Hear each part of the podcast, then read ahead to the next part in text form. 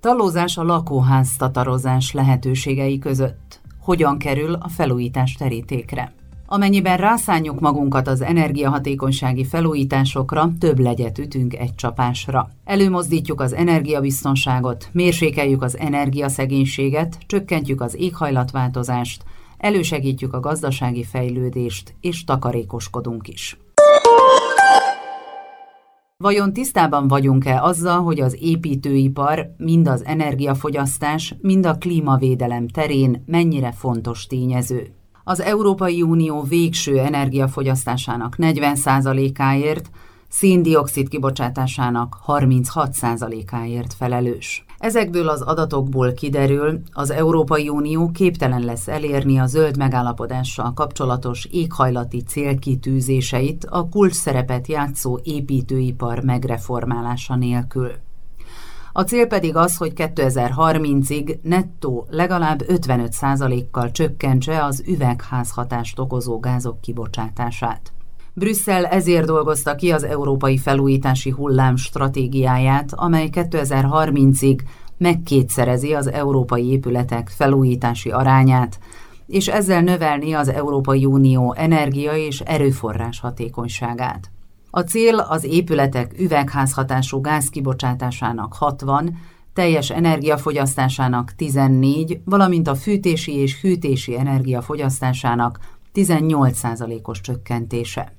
Az Európai Parlament képviselői jelenleg egy új jogszabály szövegről tárgyalnak, amelynek célja az épületfelújítások arányának növelése. És mivel a mai épületek mintegy 90%-a várhatóan még 2050-ben is állni fog, nem kerülhetjük el, hogy tudatosan irányt változtassunk, ami nagy munkával jár.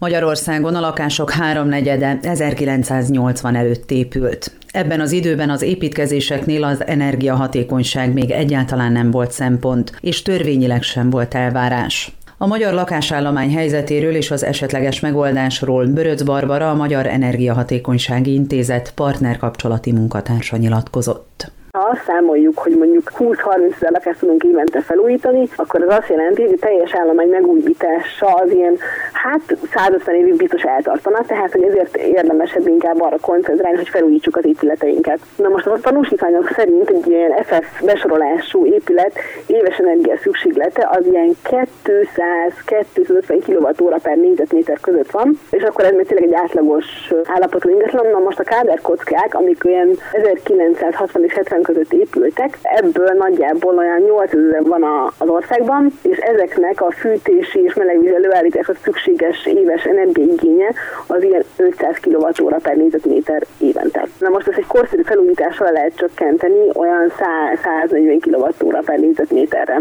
Tehát ebből is látszik, hogy azért az országban ugye elég rossz állapotúak az ingatlanok, és ugye ez jobban koncentráltabbak a, a vidéki településekre, mert ugye a, a társaságok többnél jobb állapotban vannak, tehát egy ilyen átlagos panelnek a, az energiaigénye az ennél sokkal, sokkal jobb, tehát hogy az mondjuk ilyen 200 kWh per négyzetméter, de ugye ahhoz, hogy a lakosság fel tudja újítani az épületeit, ahhoz szükség van egy kis tőkére, és mint tudjuk, ugye a lakosságnak hát nagy részének egy 80%-ának semmiféle megtakarítása nincsen. És ugye ott kell kezdenünk egy felújítást, hogy meg kell terveztetni energetikussal, és leginkább úgy egy mély felújítást tudná az ingatlanokat olyan állapotra felhozni, hogy lecsökkentsük az országnak az energiaigényét, de ugye a, nyilván a, a lakásállományét is. Litvániában a lakóépületek zöme 1993 előtt épült. Energiahatékonyságok tehát rendkívül alacsony. Vajon nem lenne könnyebb lebontani azokat, mint sem a felújításukkal járó fáradtságokba bocsátkozni? Dr. Huozás Bielskus, a Vilnius Tech Egyetem épületenergetikai tanszékének munkatársa válaszolja meg, hogy miért nem a lebontása megfelelő és fenntartható megoldás. Egy olyan házat, amelyet belátható ideig, 20 vagy akár 50 évig még használhatunk, semmiképp sem érdemes lebontani. Ezeket korszerűsíteni kell, mindenképp olcsóbb lesz, mint a bontás. Ez utóbbinál ugyanis elkerülhetetlen a kilakoltatás. Lehet, hogy az érintettek kártérítést igényelnek majd, kérdés, hogy ezzel elégedettek lesznek-e, és tudnak-e hasonló kaliber fegyverűlakást vásárolni maguknak.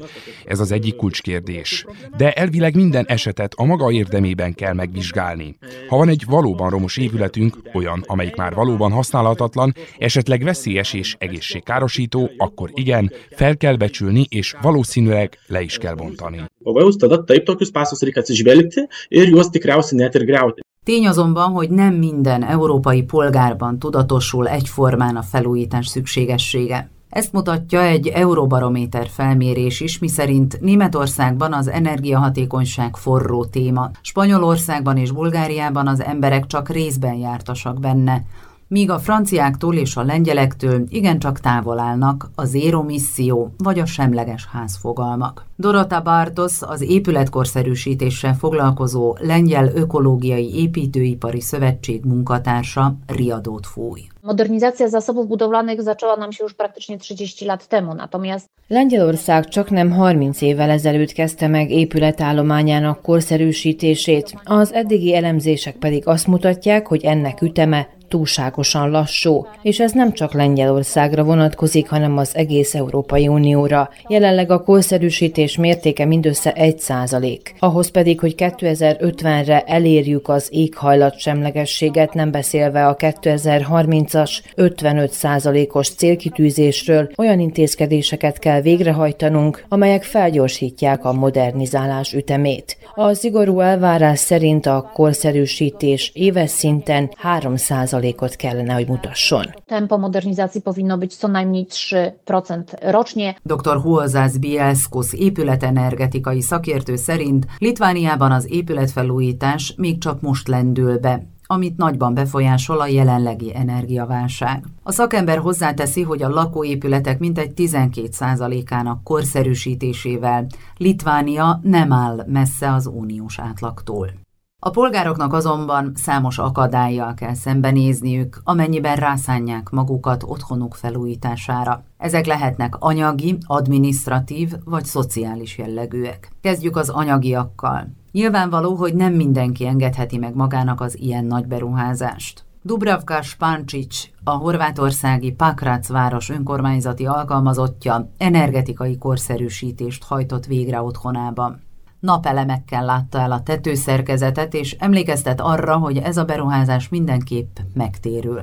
Budući da evo godina dana je prošla od kad smo proizvođači i korisnici vlastite energije. A beruházás követő évben egyszerre voltunk áramtermelők és felhasználók, és eddig még nem kellett fizetnünk az energiaszolgáltatónak az áramért, mint korábban, ami tehát azt jelenti, hogy a felújítás óta nem fogyasztottunk hálózati áramot, a szükséges mennyiséget megtermeltük magunknak. Nagyon elégedettek vagyunk, arról nem is beszélve, hogy a hatás rendkívül nagy. Jó érzés sütkérezni a napon, amikor kint vagyunk, bekapcsolni a légkondicionálót, a kájhát és a kazánt, amikor a házban vagyunk, és tudni, hogy ez nem kerül semmibe. Valójában élvezzük a napsütést. Koliko struje se proizvodi, koliko trošite, to je jedna divna stvar.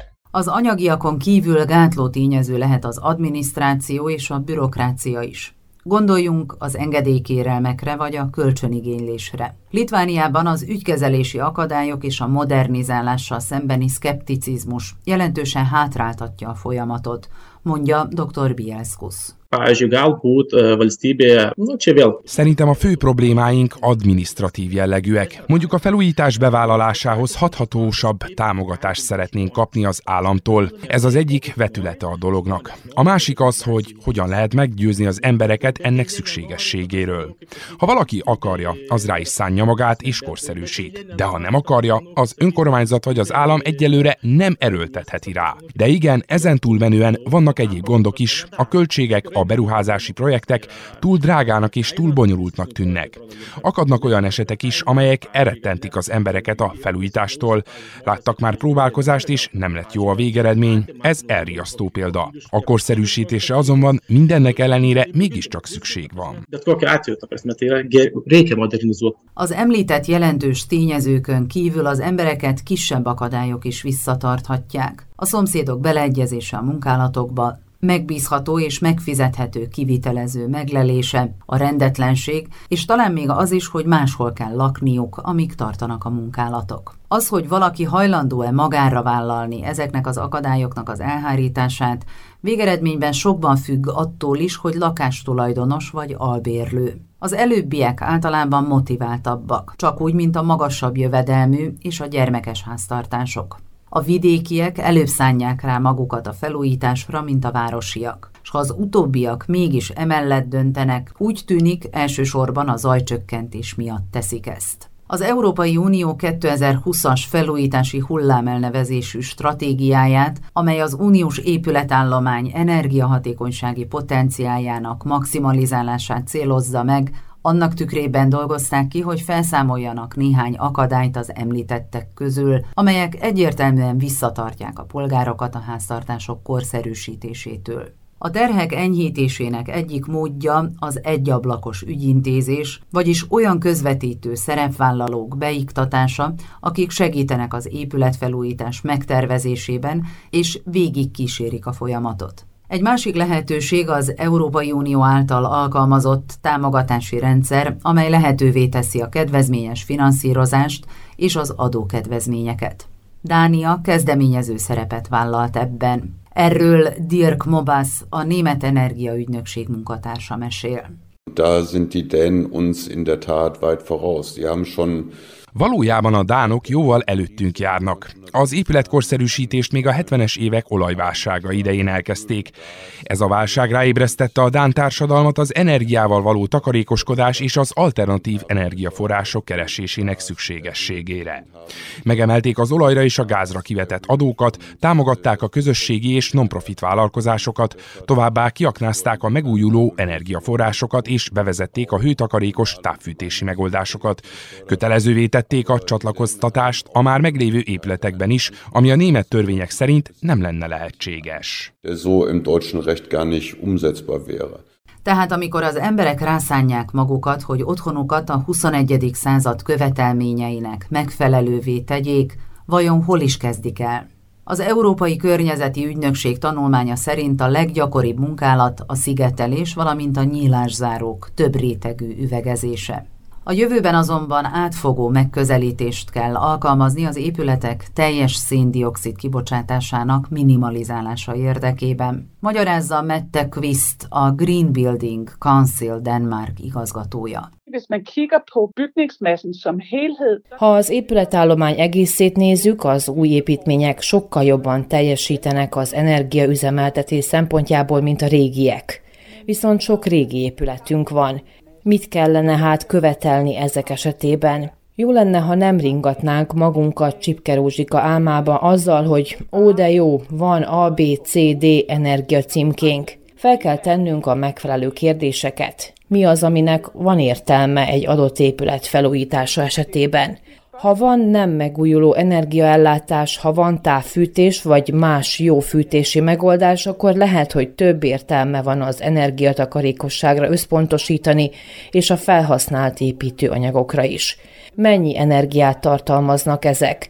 Dániában jó úton vagyunk a nem foszilis energiával, de eddig nem figyeltünk előképpen az építőanyagra. Ez nem egy egyöntetű kérdés. Ez attól függ, hogy milyen állapotban van az épület, és milyen típusú az energiaellátás. Hvilken forfatning bygningen er i, og hvordan også øh, energiforsyningen er. Mariana Sianet Zavrl, a Ljubljanai ZRMK épület és építőmérnöki intézet munkatársa szerint Szlovénia Dánia nyomdokaiban jár az épületek üvegházhatású gázkibocsátásának csökkentése terén. Naša naloga postaja zahtevnejša. A környezetvédelem kérdése egyre nehezebb és valószínűleg egyre drágább lesz. Az üvegházhatású gázok kibocsátását már nem csak az energiahatékonysággal és a megújuló forrásokra való áttéréssel, hanem az alacsonyabb karbonlábnyomó anyagok kiválasztásával is csökkenteni kell. Ez nagy változás az ágazat számára. A jövőben nagy figyelmet kell fordítanunk erre.